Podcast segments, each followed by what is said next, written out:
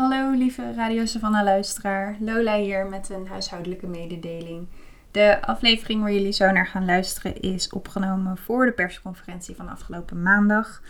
Wat betekent dat wij het in de aflevering onder andere hebben over snuffelen in de winkel, even langskomen en uh, andere dingen die we nu helaas niet meer kunnen doen. Wel wil ik jullie er allemaal op wijzen dat de webshop van Savannah Bay gewoon open is voor al je kerstcadeautjes, boeken, aanraders en andere leuke dingen. Uh, gebruik die ook vooral. Binnen Utrecht worden alle bestellingen gratis bezorgd door een van onze fietscouriers die meerdere dagen per dag uitrijden. De winkel kan alle steun heel erg gebruiken. Dus als het voor jou niet mogelijk is om een boek te kopen of op een andere manier financiële bijdrage te leveren, dan is delen, shout-outen naar deze podcast luisteren ook al heel erg fijn. Hou voor alles wat er gebeurt rondom de campagne Light a Fire Share Story en alle andere dingen in de winkel. De socials en onze website heel goed in de gaten. En dan uh, zien we je hopelijk in betere tijden weer in real life. Veel plezier met deze aflevering en tot snel! Thank you.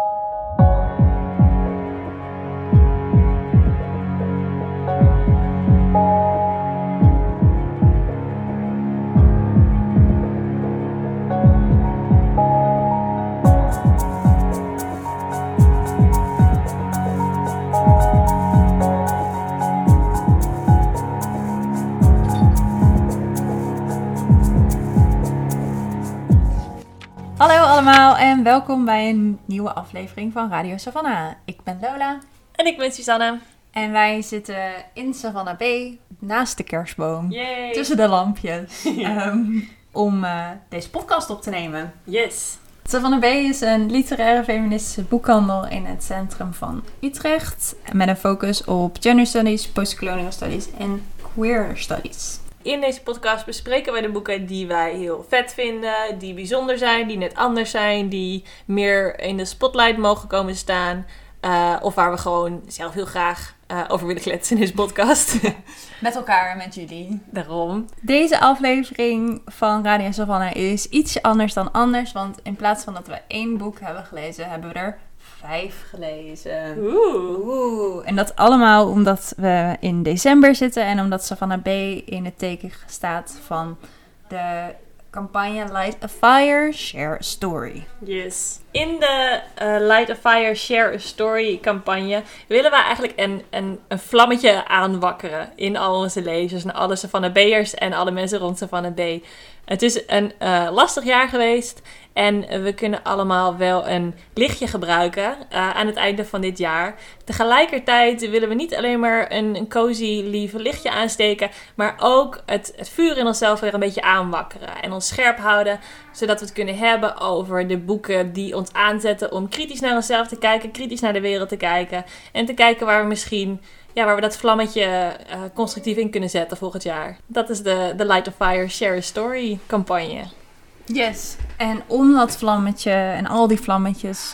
Oh, we zitten, we zitten midden in de stad hier. Inclusief achtergrondgeluiden. Um, om die vlammetjes aan te wakkeren hebben wij vijf boeken uitgekozen. Waarvan wij denken dat ze op allerlei verschillende manieren heel erg passen binnen het thema. Je wordt er warm van omdat ze zo fantastisch zijn. Maar je denkt ook, uh, ik ga de wereld veranderen, verbeteren. Mhm. En uh, ben klaar om uh, daarmee aan de slag te gaan. Yes. Nu en volgend jaar. Nou hebben wij al deze vijf boeken gelezen, maar we kunnen ze niet allemaal in depth bespreken. Maar we gaan je nu natuurlijk wel vertellen welke het zijn. Yes. Het eerste boek wat we hebben geselecteerd voor Light of Fire is De jongen, de mol, de vos en het paard. Geschreven door Charlie Mackesy. Een uh, prachtig geïllustreerd verhaal waarin een jongen, een mol, een vos en een paard ontmoet. En uh, die jongen heeft heel veel vragen over hoe in het leven te staan en hoe aardig en liefdevol te zijn naar zichzelf en de wereld om zich heen. En uh, aan de hand van de interacties die hij heeft met die drie dieren, gaat hij daarover op onderzoek uit. Ja. En uh, Het is een heel mooi boek om cadeau te doen aan jezelf of aan iemand anders. Ja, het is echt super cute. Het gaat allemaal voor vriendelijkheid en empathie en vriendschap. Aardig zijn. Ja. Ja. Dit is echt zo'n boek waar, van Light a Fire dat je even een, een, er warm van wordt. Ja. Een ander boek dat we geselecteerd hebben voor deze campagne is het boek Ongetemd Leven uh, van Glennon Doyle. De vertaling uh, van het Engelse boek Untamed. Um, en dat is ook een boek waar je, waar je warm van wordt, maar op een iets meer uh, een actievere manier. In dit boek vertelt Glennon Doyle over een moment in haar leven dat ze tot de realisatie komt dat ze eigenlijk heel weinig autonomie in haar leven heeft. En dat ze heel erg bepaald wordt door de hokjes waar ze in vastzit. Bijvoorbeeld als vrouw zijnde. Um, en zij gaat dan nadenken over hoe ze die hokjes, hoe ze daar eigenlijk uit, uit vrij kan breken. Um, dus het is heel erg een, een soort van zelfexploratie op allemaal verschillende gebieden. Dus niet alleen maar als in bijvoorbeeld, goh, ik ben een vrouw en ik wil meer verdienen, om maar even iets zo cruis te noemen. Maar ook hoe zit ik vast bijvoorbeeld in bepaalde vriendschappen waar ik niks mee kan. En dus het hele boek staat vol van haar eigen zelfontwikkeling en hoe zij losbreekt van allemaal structuren. Maar geeft ook allemaal uh, handreikingen voor jezelf om na te denken van, goh, hoe word ik eigenlijk bepaald door hokjes en hoe zou ik daaruit vrij kunnen breken. Dus het is mooi om haar verhaal te lezen, maar het zit ook heel erg aan tot zelfreflectie van goh, wat kan ik hier zelf eigenlijk mee? En misschien ook hoe kan ik anderen helpen om uit hokjes los te breken. Voor de goede voornemens ja. van, uh, voor volgend jaar. Zeker, een heel goed, goed voornemen boek. Het derde boek wat we uitgekozen hebben is een Engelstalig boek. Het heet On Connection, geschreven door Kate Tempest. Dat is in de vorm gegoten van een performance. Dus Kate Tempest is spoken word, poetry slam, schrijver, artiest, dichter. Hmm. Uh, die op ontiegelijk veel podia heeft gestaan. En daar gaat het deels ook over. Dus het boek is opgedeeld in...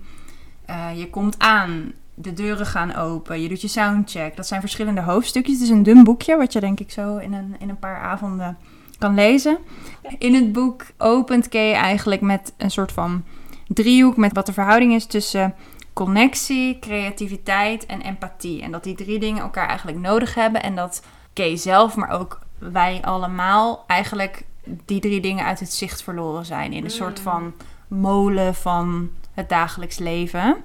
Um, en wat, heel, wat ik heel fijn vond aan dit boek is dat het heel erg geschreven is vanuit een heel duidelijk en ook helder gecommuniceerd bewustzijn van diens privileges en diens positie. Dus het is een heel politiek boek, maar heel duidelijk politiek. Je kan heel makkelijk mee van, oh ja, dit is jouw positie als auteur en als verteller. En je bent je daar ontzettend bewust van, maar je hebt ook ervoor gekozen om deze drie onderwerpen die voor jou heel veel betekenen en waar jij in relatieve rust over na kunt denken, uh, om die op de voorgrond te zetten. Hmm. En het is dus heel um, warm, vond ik. Ik heb heel veel onderstreept in mijn, in mijn exemplaar. Dus dat, dat, als dat iets is waar je, waar je warm van wordt en wat je aan kan sporen om uh, dergelijke vormen van connectie op te zoeken, dan uh, is dit het boek voor jou. Mooi. Het vierde boek dat we ge hebben geselecteerd is eigenlijk al vanwege de titel uh, onvermijdelijke keuze.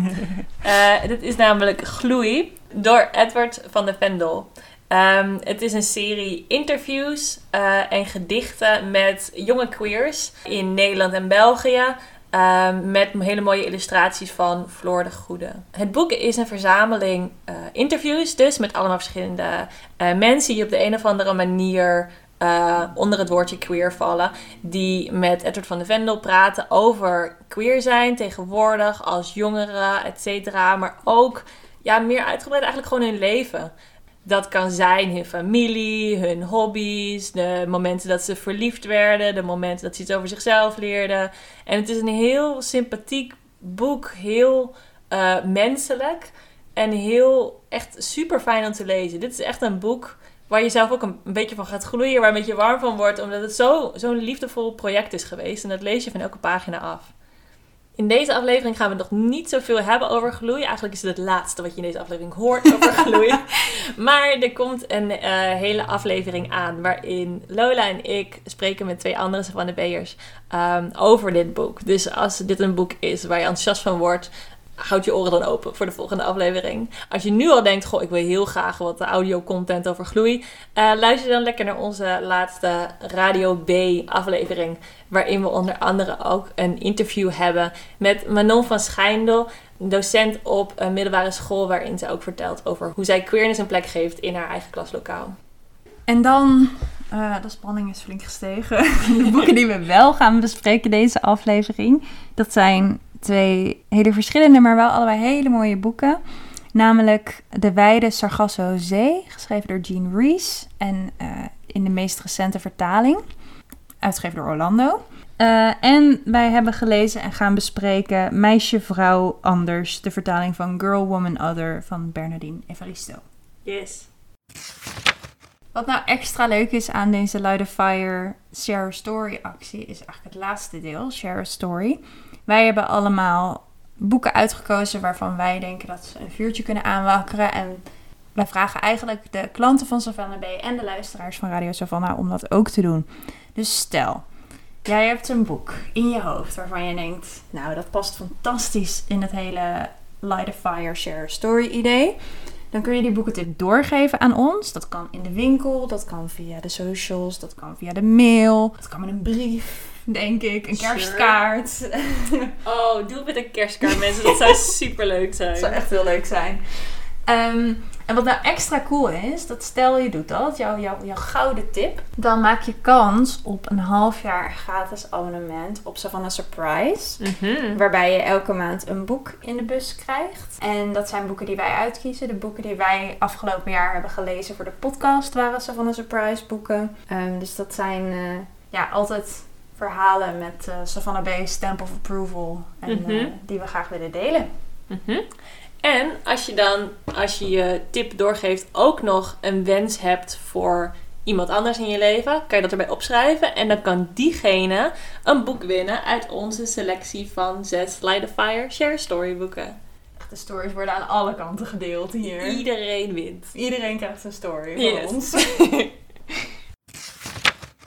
hey Suzanne, Ja. stel, mensen willen een goede Light a Fire Share Story aanbeveling doen. Nog een lekker boek voor december. Ja. Hoe ziet dat eruit? Waar moet dat aan voldoen, denk jij? Mm. Ja, het is een goede vraag. We hebben eenzelfde soort eh, vraag gesteld toen we het hadden over zomerlezen. En nu is het eigenlijk winterlezen. Ja, december lezen. December lezen, ja, nog specifieker. En ik heb zelf altijd, als het eenmaal december wordt, dat ik even zo de rust weer vind. En dat ik me dan omdraai en kijk wat de stapel is die er nog ligt. nog veel meer dan op vakantie. Of in de zomer dan ga ik meestal op vakantie. En dan denk ik ook, ik ga dat boek op vakantie lezen. Maar in december liggen er nog allemaal, zo'n beetje de achtergebleven boeken. Oh. die er nog wel onder liggen te wachten. En dan moet ik even de afweging maken. Welke ga ik ook daadwerkelijk lezen? En welke ga ik eigenlijk gewoon nu in de kast zetten? Of bij de supermarkt, bij de bibliotheekje neerzetten of weggeven of zo. Ja, Dat is eigenlijk bepalend voor mijn december maar dat is dus, daar heeft niemand wat aan eigenlijk. Nou ja, Nee. of wel. Maar dat is gewoon puur toeval. Ja, vaak wel. Maar vaak zijn dat dus wel boeken die ik gekocht heb, heel intuïtief. Terwijl ik eigenlijk geen tijd had om ze te lezen. Maar dat ik dacht, ooit ga ik hier gelukkig van worden. Dus het zijn... Oh. heb, jij, ehm, heb jij dan niet zo'n stapeltje in december liggen? Eh, ik heb zeker een stapeltje. Ik merk wel dat ik dan ook nog een beetje in de hele cadeaugeefsferen zit. En dat ik dan denk, oh, ik heb ook nog even een cadeautje voor mezelf. Oh, wat leuk. En, en dat ik dan een mooi boek voor mezelf uitkies. Ik denk mijn belangrijkste december lees is dat het een boek is waar je toch een beetje inzakt. Hmm. Vergelijkbaar eigenlijk met zomerlezen, maar dan mag het allemaal wat, kou ja, wat kouder voelen of zo. Ja, ik ja, weet ja. niet. Ja. Eh, maar dat, ik heb, ja, zeker zo die tijd tussen kerst en oud en nieuw, wat dan een beetje zo'n niksige tijd is, waarin de wereld toch een klein beetje stilstaat en niemand helemaal weet wat ze met zichzelf aan moeten. Ja, Dat je dan gewoon een boek een hele dag kan lezen. ja, Dat gevoel. ja. Dat je halverwege de dag erachter komt van... hey, ik ben eigenlijk al de hele ochtend aan het lezen. Nou, blijf gewoon lekker lezen. Ja, of goh, zou ik even douchen en dan ga ik weer verder lezen Ja. of zo. Ja. dat, dat gevoel wel. Ja, misschien aan, dan om aan aan mijn stapeltje... Wat natuurlijk niet echt een tip is, want er- zoals je zegt, er heeft niemand het aan.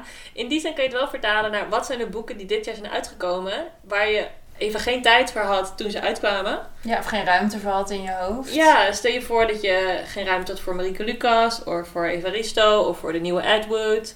Dan is dit misschien, of de Hilary Mantel, Afsluiter, de laatste Ellie Smith, eh, deel van het kwartet. Dat zijn misschien ook de boeken die nu fijn zijn om, om te lezen. Ja, dat je toch nog een beetje het jaar bijleest of zo. Ja, ja. Wat me wel altijd opvalt is, ik denk altijd dat ik allemaal boeken ga krijgen in december. Omdat ik denk dat iedereen weet dat ik graag lees. En dat ze me dan boeken gaan geven. Maar niemand geeft mij ooit boeken. Nee, dat is wel sad. Ja, Ja. want dan zegt ze, ja, dit heb je waarschijnlijk allemaal gelezen. Dat weet ik niet. Je weet zoveel dan. Dan denk ik, ja, dat valt wel mee. En ook, geef me dan gewoon iets wat jij mooi vindt. Ga ik dat lezen. Ja. Maar dat doen ze nooit. Zijn mensen bang voor? Geef boeken cadeau. Ja, Dat is juist leuk. ook aan lezers. Ja. ja, verrassen. Ja, En als, je het, he- als ze het al hebben, hou je het zelf. sure. Ja. Ja, en ik denk, gebruik ook dan dus...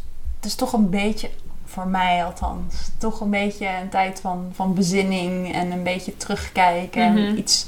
En dan heb je tijd om te lezen Ja, lekker. en om te luieren. Ja, Dus eh, die ook lekker nemen. ja. Zeker. Gun het jezelf. Gun het lekker jezelf. is toch heerlijk? Het eerste boek eh, wat we dan echt, echt gaan bespreken in deze aflevering is het boek De Wijde Sargasso Zee van Jean Rees. In het Engels heet het boek The White Sargasso Sea. En eh, dit jaar kwam een Nederlandse vertaling uit bij uitgeverij Orlando. Een hele fijne, eh, kleine uitgeverij. Maar het boek is geschreven in 1966. Het boek is vertaald door W.A. Dorsman Vos. Zoals jij zei dat je al een tijdje met een soort van speelde met Jean Rees en haar interessant vond voordat je dit boek eindelijk ging lezen voor deze podcast. Hoe zit dat? Nou, want ik heb dit boek dus ook al een hele tijd in huis. En eh, ik heb het nu pas gelezen. En voordat ik dit boek in huis had gehaald, had ik al heel lang in mijn hoofd dat ik dit boek ooit ging lezen. En ik zeg echt al jaren, zeg maar. Denk ik dat. En nu is het dus eindelijk zover. Dus het is voor mij een hele gebeurtenis. Eh, maar er komt eigenlijk, dit is bij mij een best wel lange geschiedenis. Ik had, eh, hier komt mensen mijn persoonlijke geschiedenis. Je levensverhaal. nee, ik ging toen ik, eh, ja, toen ik 17 was, de zomer dat ik 18 werd, zou ik eh, dat najaar beginnen met mijn studie literatuurwetenschap. En toen hebben ze me in die zomer, ik ben in juli jarig, hebben ze me Jane Eyre van Charlotte Bronte voor mijn verjaardag gegeven. Als in, je gaat literatuur studeren, hier is literatuur, veel plezier. En eh, ik kan me nog heel goed voor de geest halen dat ik Jane Eyre las. Ik weet nog precies hoe de camping eruit zag. Ik had een hangmat gehad voor mijn verjaardag en daar lag ik dan in Jane Eyre te lezen iedere dag. En ik vond het echt zo'n bijzonder gaaf boek. Ik was zo eh, geïntrigeerd door Jane Eyre en door de manier waarop zij in het leven stond. En dan op een gegeven moment heb je dat, dat gothic verhaal dat ze bij Mr. Rochester woont. En dat er dan gestommel is in de, in de, in de zolder, of hoe heet dat, in de bovenste verdiepingen van het huis.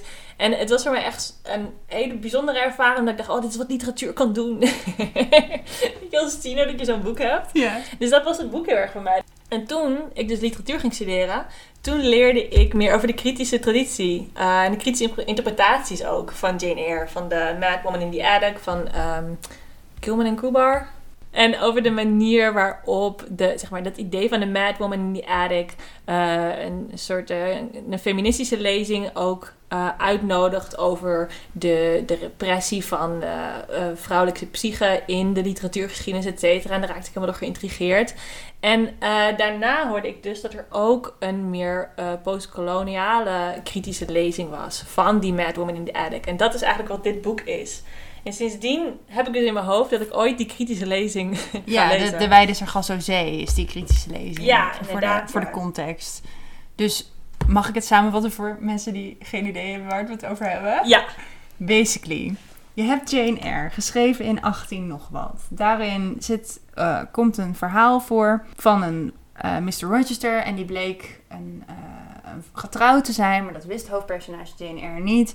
En zijn vrouw woont, of woont, is opgesloten op zolder. Omdat ze tussen aanhalingstekens mad is. En wat Jean Rees dus heeft gedaan, is een stem geven aan die vrouw. ja, En eigenlijk het verhaal vertelt van hoe zij hoe haar leven eruit zag en wat haar voorgeschiedenis is voordat zij in Jane Eyre gereduceerd wordt tot de Mad Woman in the Attic. Ja, inderdaad. We beginnen het verhaal met de jeugd van, in dit boek heet ze Antoinette. Hoe Antoinette opgroeit in het Caribisch gebied. Hoe ze daar op het eiland uh, woont bij haar twee ouders in het begin. Uh, die slavenhouders zijn. Uh, op een gegeven moment is er dan afschaffing van de slavernij, waardoor de familie in een soort armoede of een soort van uh, genteel poverty terechtkomt. Daar gebeurt er van alles mee. En uiteindelijk uh, wordt Antoinette een soort uitgehuwelijkt aan Mr. Rochester, die haar heel duidelijk trouwt voor het, geld dat zij meebrengt, omdat zij alle prestige zijn verloren als familie. Um, uiteindelijk zien we hoe dat huwelijk uit elkaar valt en zij wordt meegenomen ja, weggevoerd eigenlijk naar Engeland. Waar ze dus inderdaad aan het einde van dit boek uh, op de zolder uh, weggestopt als een soort ja, angstaanjagend huisdier soort van weg is gestopt. En hoe ze dus langzaam ook um, ja, gereduceerd wordt tot iets dierlijks en iets niet menselijks. En het is toch ook zo dat de, de lezing, een soort van de postkoloniale lezing die dit boek impliceert, dan ook een soort van samengevat kan worden als dat de, die Mad Woman in the Attic ook een metafoor is voor hoe Engeland hun eigen koloniale verleden wegstopt. Ja. En verbergt en verdoezelt en ver, uh, uh, hoe zeg je dat? beter doet voorkomen dan het is. Ja, ja want dat is een van de um, gekke dimensies in dit boek. Dus dat de de, de, hoofdpersoon in het boek, Antoinette, slavernij wordt afgeschaft terwijl zij een, jonge, een jong meisje is. Zo, ik gok zo zegt 8, 9, 10 jaar oud of zo bijvoorbeeld.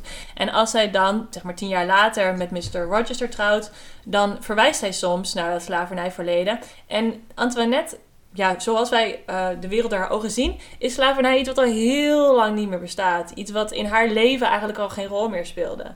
En dat zie je, verschillende personages in het boek zie je dat op zo'n manier over nadenken. Inderdaad, echt heel direct het afstand nemen. Een soort van collectief geheugenverlies over dat dit pas een paar jaar geleden ja, veranderd is. En waarom denk jij dat dit een boek is om in 2020 opnieuw uit te brengen en te lezen? Je daar gevoelens en meningen over? Ik heb daar allemaal gevoelens en meningen over. Het is heel fijn dat ik een microfoon voor mijn neus heb. ik heb allemaal ideeën. Zo goed uit. um, nee, ja, er zijn verschillende, um, ik denk verschillende redenen om dit boek nu te lezen. En, uh, en meer een soort van literaire reden is dat het gewoon echt een supergoed boek is. Heel mooi geschreven. Heel, met een heel specifiek soort taalgebruik, wat ik dus kende uit haar korte verhalen die ik hiervoor uh, heb gelezen.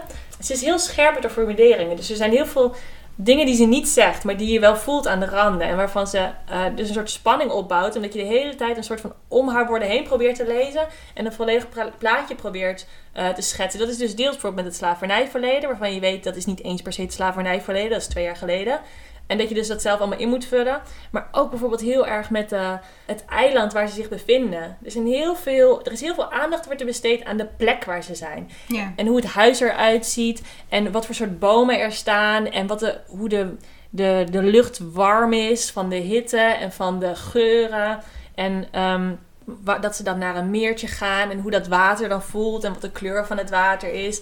Dus je wordt heel erg opgezogen in die wereld. Dat is heel knap gedaan. Ja, want dat is ook. Ik heb dit boek, ik denk vijf, zes jaar geleden of zo gelezen. Maar dat is denk ik wat ik me nog het meest ervan kan herinneren. Eigenlijk het eerste deel van het verhaal. Dat je dus als Antoinette nog jong is op een Caribisch eiland bent. En dat die omgeving en dat, dat het leven daar omschrijft zij heel levendig. Ik heb nog steeds ook een beeld van hoe dat huis er in mijn hoofd uitzag. Mm. Terwijl ik je de details van het verhaal niet heel goed meer zou kunnen vertellen. Maar dat, ja, dat sensorische of zo. En Ja. dat, dat, dat levendige, dat, dat staat me wel heel erg bij aan het boek. Ja.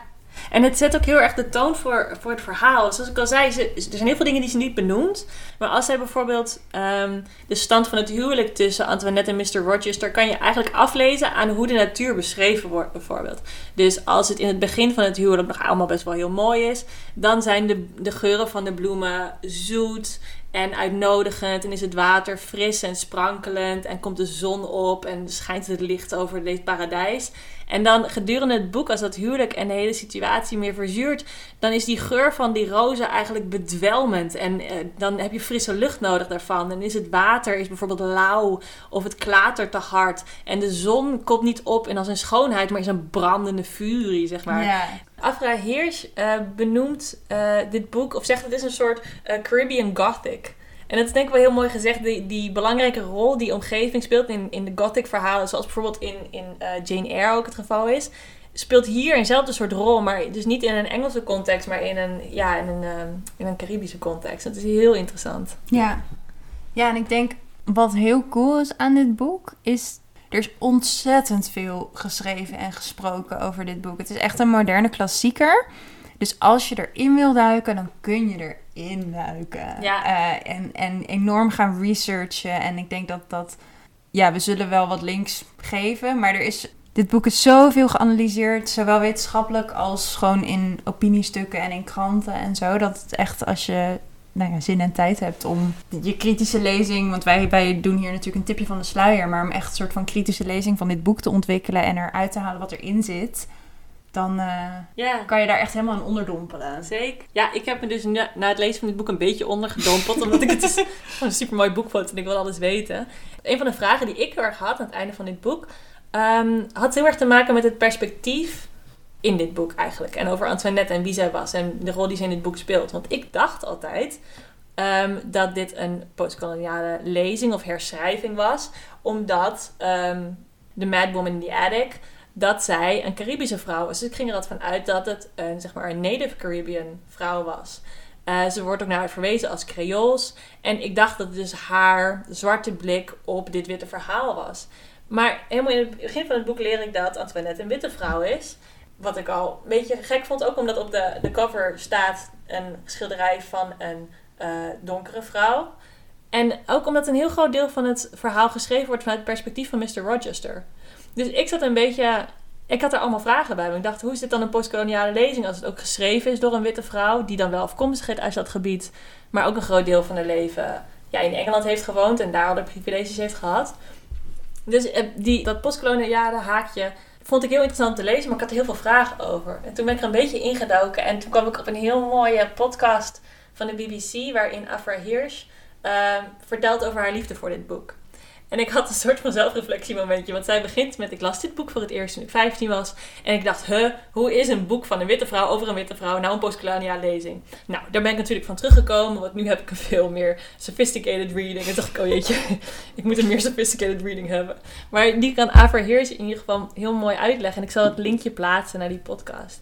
Waarin ze eigenlijk uh, heel mooi ingaat over de manier waarop uh, etniciteit en de hele ideologie daaromheen veel genuanceerder is dan zwart tegen wit. En zeker in die periode van zeg maar, de empire uh, en de relatie tussen uh, zeg maar, het eiland Engeland en dan de, de verschillende koloniën daaromheen. En wat dit boek eigenlijk doet, zegt zij, wat het zo mooi doet, is het laat al die verschillende manieren zien waarop verschillende mensen vastzitten in die systemen en daardoor bepaald worden.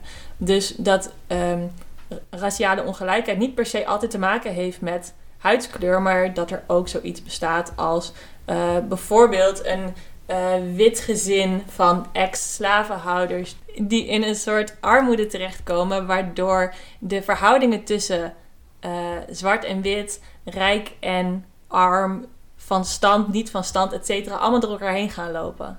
En dat is misschien een veel productievere blik op dit boek. Ja, want het laat zien hoe erg dat soort categorieën geconstrueerd zijn. Ja. En ook dat, dat die constructies continu veranderen om andere groepen buiten te sluiten. En wat alleen maar de constructedness weer bevestigt. Ja, ja, inderdaad.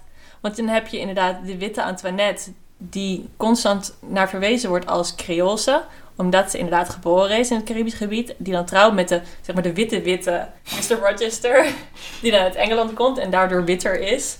En dan een andere positie inneemt in het hele systeem. Dus er zitten heel veel van dat soort nuances in. En ook de verhoudingen bijvoorbeeld met de mensen die voor hen werken in het huis en rondom het huis. Die vaak uh, wel uh, zwarte mensen zijn. En de verschillende manieren waarop bijvoorbeeld dan Antoinette eh, wel of niet geaccepteerd wordt door deze zwarte mensen om het huis heen, in tegenstelling tot Mr. Rochester en zijn positie daarin. Dus het is heel veel, zoals ik al zei, heel vaak onbenoemd. Heel erg voor jouzelf om in te vullen of om aan te voelen. Uh, heel veel verschillende uh, aanknopingspunten om over na te denken in dit boek. Om je een beetje een indruk te geven van de taal in dit boek, uh, wil ik een stukje voorlezen. Dit is uit het tweede deel vanuit het perspectief van Mr. Rochester. Er stonden ranke roze bloemen op tafel en hun naam weer klonk prettig in mijn hoofd. Coralita, Coralita. Het eten, hoewel te sterk gekruid, was lichter en beter dan ik tot dusver op Jamaica had geproefd. We dronken champagne. Nachtvlinders en kevers kwamen in grote aantallen de kamer binnen, vlogen in de kaarsen en vielen dood op het tafellaken. Amélie verwijderde ze met de kruimelveger. Verloren moeite. De vlinders en kevers bleven komen. Is het waar, zei ze, dat Engeland net een droom is? Dat heeft een van mijn vriendinnen, die met een Engelsman is getrouwd, me verteld. Ze zei dat die stad, Londen, soms net een koude, donkere droom is. Ik wil wakker worden. Och, antwoordde ik enigszins geprikkeld. Dat is precies wat ik van jullie mooie eilanden vind. Onwezenlijk en net een droom. Maar hoe kunnen rivieren en bergen en de zee onwezenlijk zijn? En hoe kunnen miljoenen mensen, hun huizen en hun straten onwezenlijk zijn? Eenvoudiger, zei ze, veel eenvoudiger. Ja, een grote stad moet net een droom zijn. De lange veranda was toegerust met canvas stoelen. Twee hangmatten en een houten tafel waar een telescoop op stond, op drie poten. Amélie bracht kaarsen naar buiten, afgeschermd met glazen kapjes, maar de duisternis slokte het zwakke licht op. Er hing een intense bloemengeur, van de bloemen bij de rivier die s'nachts opengaan, vertelde ze. En het geluid dat tot de binnenkamer gedempt doordrong, was hier oorverdovend. Krak, krak, zei ze. Hun geluid zegt het al. En krekels en kikkers. Ik boog me over de balustrade en zag honderden vuurvliegjes. Oh ja, op Jamaica zeggen ze vuurvliegjes. Hier noemen ze ze la belle. Een nachtvlinder, zo groot dat ik hem voor een vogel hield, vloog pardoes in een van de kaarsen, doofde hem en viel op de grond. Dat is een flinke knaap, zei ik. Is hij erg geschroeid? Nee, meer verdoofd. Met mijn zakdoek raapte ik het fraaie dier op en zette het op de balustrade. Een paar tellen bleef hij zitten en in het kaarslicht zag ik de bestoven felle kleuren, het ingewikkelde patroon op de vleugels. Voorzichtig schudde ik de zakdoek uit en toen vloog hij weg. Het uh, tweede boek wat we wat uitgebreider wilden bespreken vanavond is Meisje, Vrouw, Anders van Bernardine Evaristo. Het origineel Girl, Woman, Other is verschenen in 2019 en nu is er net een Nederlandse vertaling uitgekomen bij uitgeverij De Geus. En de vertaling uh, is gedaan door Lette Vos. Girl, Woman, Other won in 2019 de Booker Prize. Waar toen veel om te doen was, omdat zij die samen won met Margaret Atwood voor Atwood's boek The Testament. Um, maar dat heeft boek wel een enorme hit gemaakt. Ja. Uh, want het is hier in de winkel heel veel gekocht en gelezen. En uh, op allerlei media lovend besproken. Ja. En nu dus ook hier bij ons. Over de recensie van Radio Savannah. Die komt op de kop hoor. ja, het boek vertelt eigenlijk twaalf... Ja, het lijken bijna korte verhalen te zijn. Ze hangen wel met elkaar samen, maar het vertelt de verhalen van twaalf, in de meerderheid vrouwen, die op een manier met elkaar verbonden zijn. In mijn hoofd is dat een soort Love Actually scène dan. Dat, dat al deze mensen iets met elkaar te maken hebben. Maar dat is uh, een beetje simplistisch gedacht. Maar dan heb je een beetje een idee. Komen ze elkaar allemaal tegen op het vliegveld? Nou. nee, ze komen elkaar niet tegen op het vliegveld. Maar de rode draad van het boek is de première van een toneelstuk van een van de personages. Mm. Dat is personage Amma.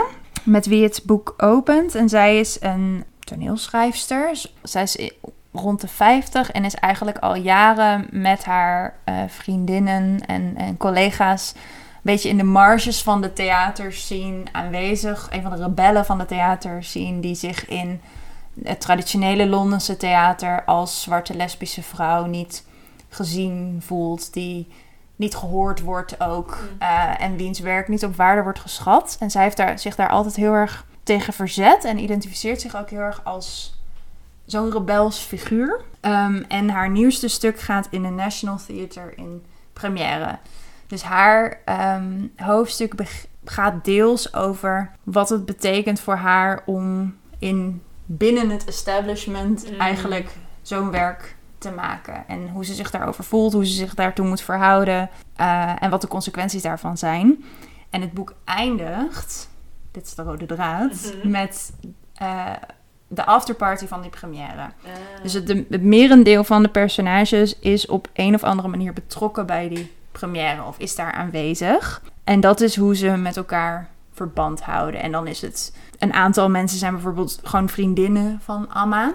Eh, dus dan is het logisch dat ze allemaal op haar première zijn. En een ander is een trans influencer die is uitgenodigd om een recensie te schrijven. Mm. En die heeft dan toevallig weer Amma's dochter een keer gesproken. En zo zijn er linkjes te maken tussen al die personages op een, op een best wel waarschijnlijke en natuurlijke manier. Mm. Dus dat vond ik heel knap eraan, dat het niet geforceerd voelt.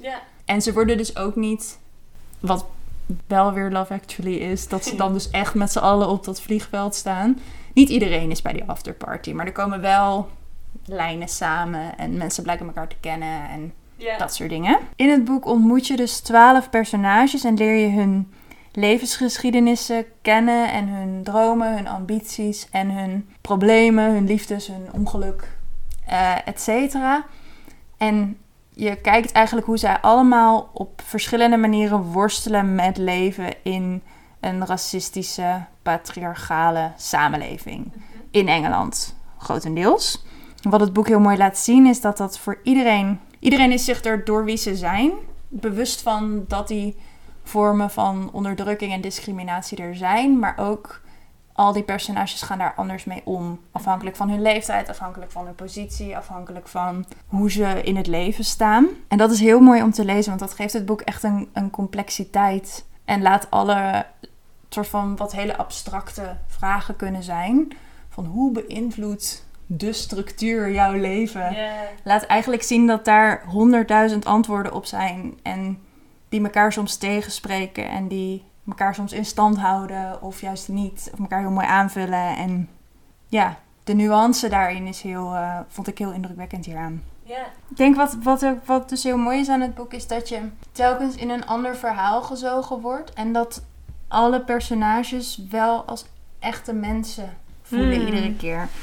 En dat vond ik heel knap. Dat het niet, doordat er dus ook tegelijkertijd ingezoomd en uitgezoomd wordt, voelt het boek wel als een geheel. En niet als een korte verhalencollectie of als een eh, essay. Ja. Ehm, dit boek heeft natuurlijk veel eh, publiciteit gehad toen het de, de Booker Prize won. En heel veel mensen, zoals je al zei eerder, heel veel mensen in de winkel kwamen er naar vragen. Heel veel mensen in de winkel kwamen erover kletsen en over nabespreken, zeg maar. Ehm, en wat heel veel klanten dan terugkwamen geven, is dat het een heel verfrissende lezing is, omdat het zo andere taalgebruik heeft. Zo andere manier is van een verhaal vertellen dan wat je in veel andere boeken eh, tegenkomt. Is Ja. het, heb jij het ook zo ervaren? Ja, ik vond het een heel levendig boek. Op, eh, dat klinkt dan misschien zo heel cliché, maar dat is wel echt wat het was. Ehm Bernardine Evaristo die schrijft heel soepel en poëtisch en daardoor voelt alles ook heel vloeiend of zo. Mm. Dus ze gebruikt bijvoorbeeld geen aanhalingstekens, relatief weinig interpunctie. Ehm, er zitten wat stukken in het boek die, bij, die meer als poëzie lezen bijna. En dat, dat voelt heel natuurlijk. En wat heel knap is, want dat kan ook als een gimmick Ja. voelen. Daardoor ademt het boek heel lekker of zo. En zit er echt een bepaalde, bepaalde levendigheid in die wel heel bijzonder is. En ze slaagt er toch in, ze houdt, dat houdt ze het hele boek vast. Maar ze slaagt er wel in om elk personage een eigen stem te geven. Dus bijvoorbeeld als er wat jongere personages in zitten, die gebruiken dan bepaalde termen of slangwoorden of dat soort dingen. Mhm. En oudere personages gebruiken weer woorden die ja, misschien nu door, die, door de jeugd, door de jongeren eh, niet gebruikt worden. Ja.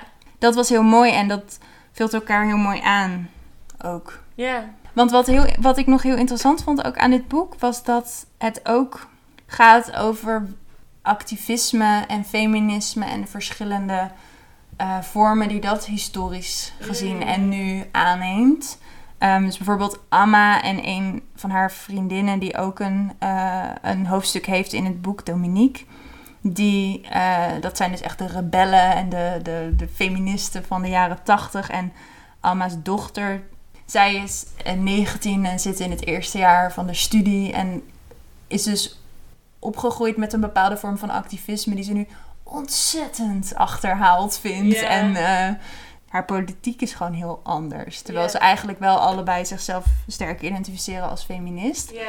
En dat is heel leuk om te lezen. En ook om dan eerst helemaal met Amma mee te gaan. Van, oh ja, lekker rebels doen en tegen het establishment aanschoppen. En lees je daarna het hoofdstuk van Jazz die dan zegt... Ugh, ja, mijn moeder. Ja. Ugh." dat is super leuk. Die personages, doordat ze met elkaar verband houden... leer je ook in verschillende hoofdstukken over verschillende personages. En worden bepaalde gebeurtenissen of momenten... worden uit, vanuit meerdere perspectieven bekeken. Was er één personage die je lievelings was? Of die je het meest is bijgebleven? Mm, lievelings vind ik moeilijk. Ik had wel dat ik het in het midden ontmoeten we op een gegeven moment verschillende personages die elkaar allemaal kennen. We ontmoeten dan Carol en zij is opgegroeid in een flatwijk in Londen en dan eh, le- leren we ook het verhaal kennen van haar moeder en dan van haar, een van haar schoolvriendinnen en van haar docent. En dat, dat, dat clubje, dat vond ik wel heel interessant. Dat sprak Mm. wel heel erg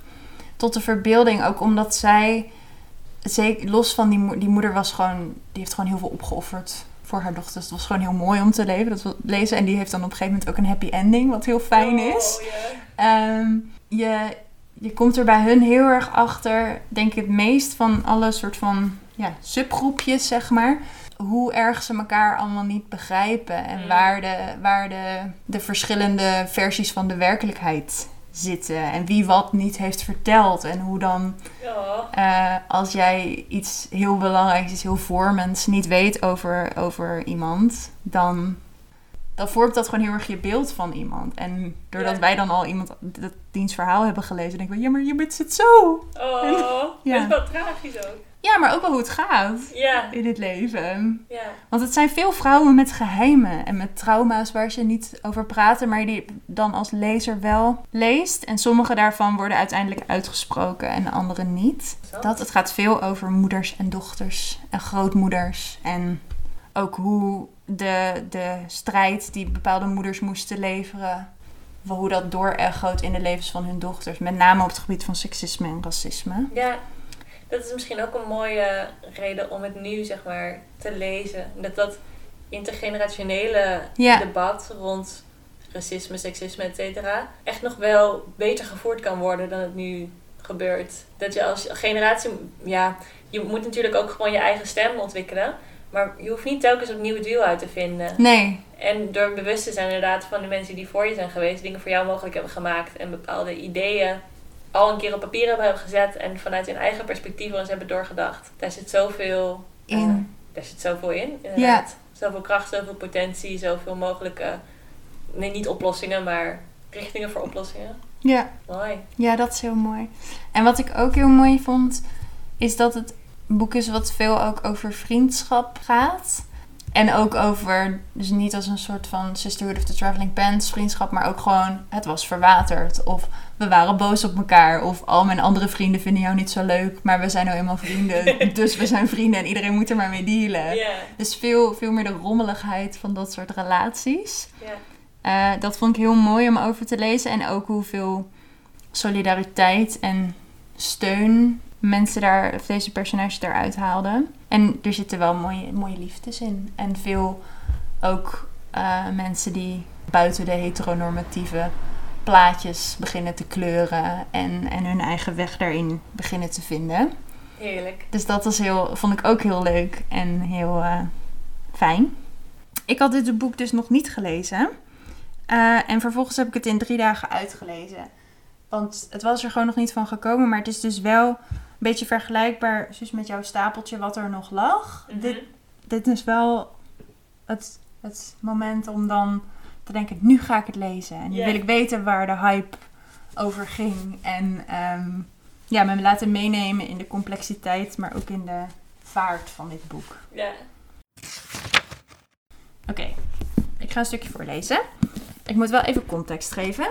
Want eh, dit is een stukje uit het verhaal van Carol. En Carol die woont in Londen en is opgegroeid in een flat. eh, en opgevoed door haar moeder. Haar vader is op een gegeven moment overleden. Haar moeder is schoonmaakster. Althans, zij zegt dat haar moeder schoonmaakster is. En dan lees je in het verhaal van haar moeder dat ze een schoonmaakbedrijf heeft. Oh. En dus tien, eh, tien mensen onder zich heeft. Ehm, en Carol die ehm, is op een gegeven moment door haar docent op de middelbare school heel erg aangemoedigd om naar de universiteit te gaan en hard te werken. En, en nu werkt ze bij een bank ehm, in Londen. En dat eh, vindt ze heel bevredigend, want daardoor past ze in een bepaald plaatje. Maar ze past ook weer niet helemaal in dat plaatje. Oké.